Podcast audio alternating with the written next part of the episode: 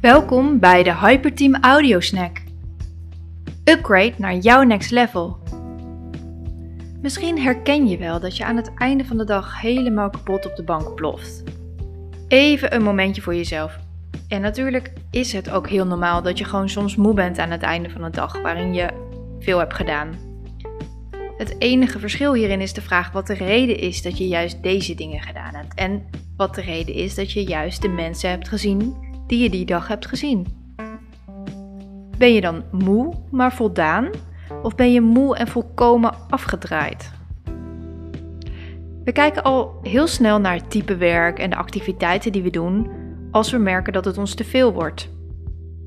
Maar veel minder wordt er gekeken naar met welke mensen je je omgeeft. Want als je goed naar je leven kijkt, heb je waarschijnlijk heel veel verbindingen gelegd. Familie, vrienden, kennissen, lijntjes die vroeger gelegd zijn, die er waren uh, tijdens je geboorte al, of die gaandeweg zijn ontstaan. Vriendschappen, collega's op je werk, leden van de sportclub, uh, ouders van school, buren. En sommige van die lijntjes die koester je enorm. Daar krijg je veel liefde van, daar voel je jezelf bij. Ook als er misschien moeilijke gesprekken ingevoerd worden, waarin je ruzie maakt of waarin er een beroep op je wordt gedaan. Je doet het met liefde. Maar veel te vaak hebben we verbindingen met mensen om ons heen die ons gewoon veel minder energie geven. Sterker nog, misschien lekt het vooral energie. De vraag is dan: wat maakt dat je dit in stand houdt? Doe je dit vanuit een gewoonte, vanuit een beleefdheid? Wil je misschien aardig gevonden worden door iedereen of doe je dit vanuit de overtuiging dat dit van je verwacht wordt? Omdat je de ander niet teleur mag stellen? Begin dan nu eens naar al deze lijntjes in je leven te kijken. Hoe zou het voelen als je een paar van die lijntjes zou doorknippen? En net als Mary Kondo hoef je niet dramatisch en ondankbaar afscheid te nemen. Bedank oude relaties voor de tijd die jullie samen hebben doorgebracht. Maar investeer niet meer als het eigenlijk alleen maar moeite en effort kost. Stop gewoon met investeren en compenseren en laat het gebeuren. Maar cut the drama. Ga er niet ingewikkeld over doen. Het is in heel veel gevallen ook niet waard om een ingewikkeld gesprek over te voeren. Want ook als je het gevoel hebt dat je, dat je jezelf moet verklaren, ben je eigenlijk onbewust bezig om toch aardig gevonden te willen worden. Of zoek je naar bevestiging van buiten jezelf.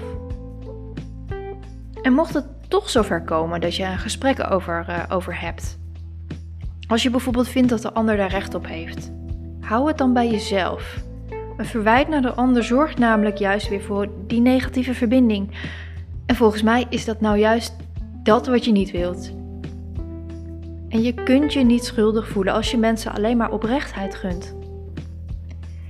En ja, het zal betekenen dat er mensen in je omgeving zijn die het niet zullen begrijpen. Het zal betekenen dat er mensen uit je leven zullen verdwijnen. Je zult in het proces soms gaan twijfelen of het wel goed is wat je doet. En dat zal niet makkelijk zijn.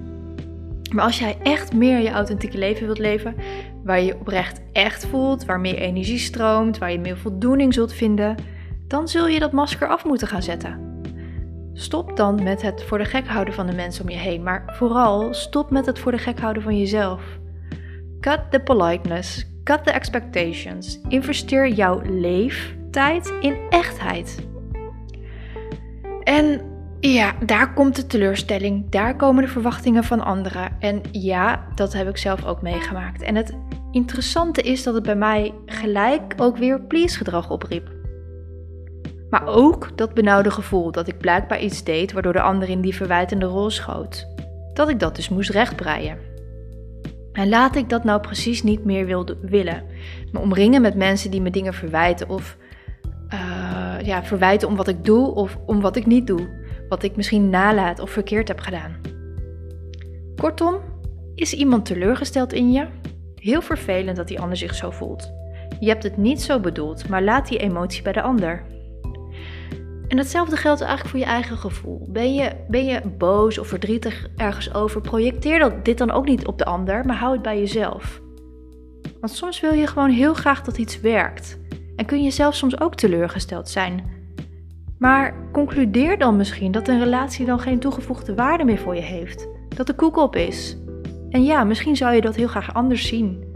Maar is het er gewoon niet. Of misschien is het er niet meer. Misschien zitten jullie beiden in verschillende fases van je leven. Hou je je met andere dingen bezig. Misschien heb je andere opvattingen over hoe de relatie of de wereld moet zijn. En misschien begrijpen jullie elkaar gewoon nu niet. Maar komt er een tijd dat jullie wegen elkaar weer gaan kruisen? Dit maakt dat het voor jezelf misschien oké is en dat je het los kunt laten. Doe dit voor jezelf. Um, door dit helder te maken in al je relaties geeft het zoveel meer bevrijding en maak je ruimte voor wat er wel is. En wist je trouwens dat de mensen die het meest dierbaar zijn, vaak het snelste dupe worden van jouw investering in allemaal bijzaken of oppervlakkige relaties? Want je hebt maar één tijd die je kan uitgeven. En dit inzicht gaf mij de doorslag dat ik zou gaan doorpakken. Dat ik het echt anders zou gaan doen. Ga dus gewoon eens kritisch kijken naar al die lijnen in je leven. En wees eerlijk over, over wat het voor je doet en wat je erbij voelt. Kijk wat deze emotie zegt over dat wat er is. Of misschien over dat wat er niet of niet meer is. Wil je het koesteren? Koester het met alles wat je hebt. Of laat het gaan als het de tijd is. Dit was het weer voor nu. We hopen dat je het waardevol hebt gevonden en dat je dat ook met ons wilt delen. Mocht je nog niet geabonneerd zijn op deze podcast, doe dat dan even. En we waarderen het ook enorm als je een review achterlaat. Dat kan het beste via de Apple Podcast app. We zijn erg benieuwd wat je van de audiosnack vond, welke inzichten je eruit hebt gehaald en dat we dat in een review terug kunnen lezen. En natuurlijk vinden we het ook leuk je reactie te zien via Instagram. Dit was hem weer. Tot de volgende audiosnack.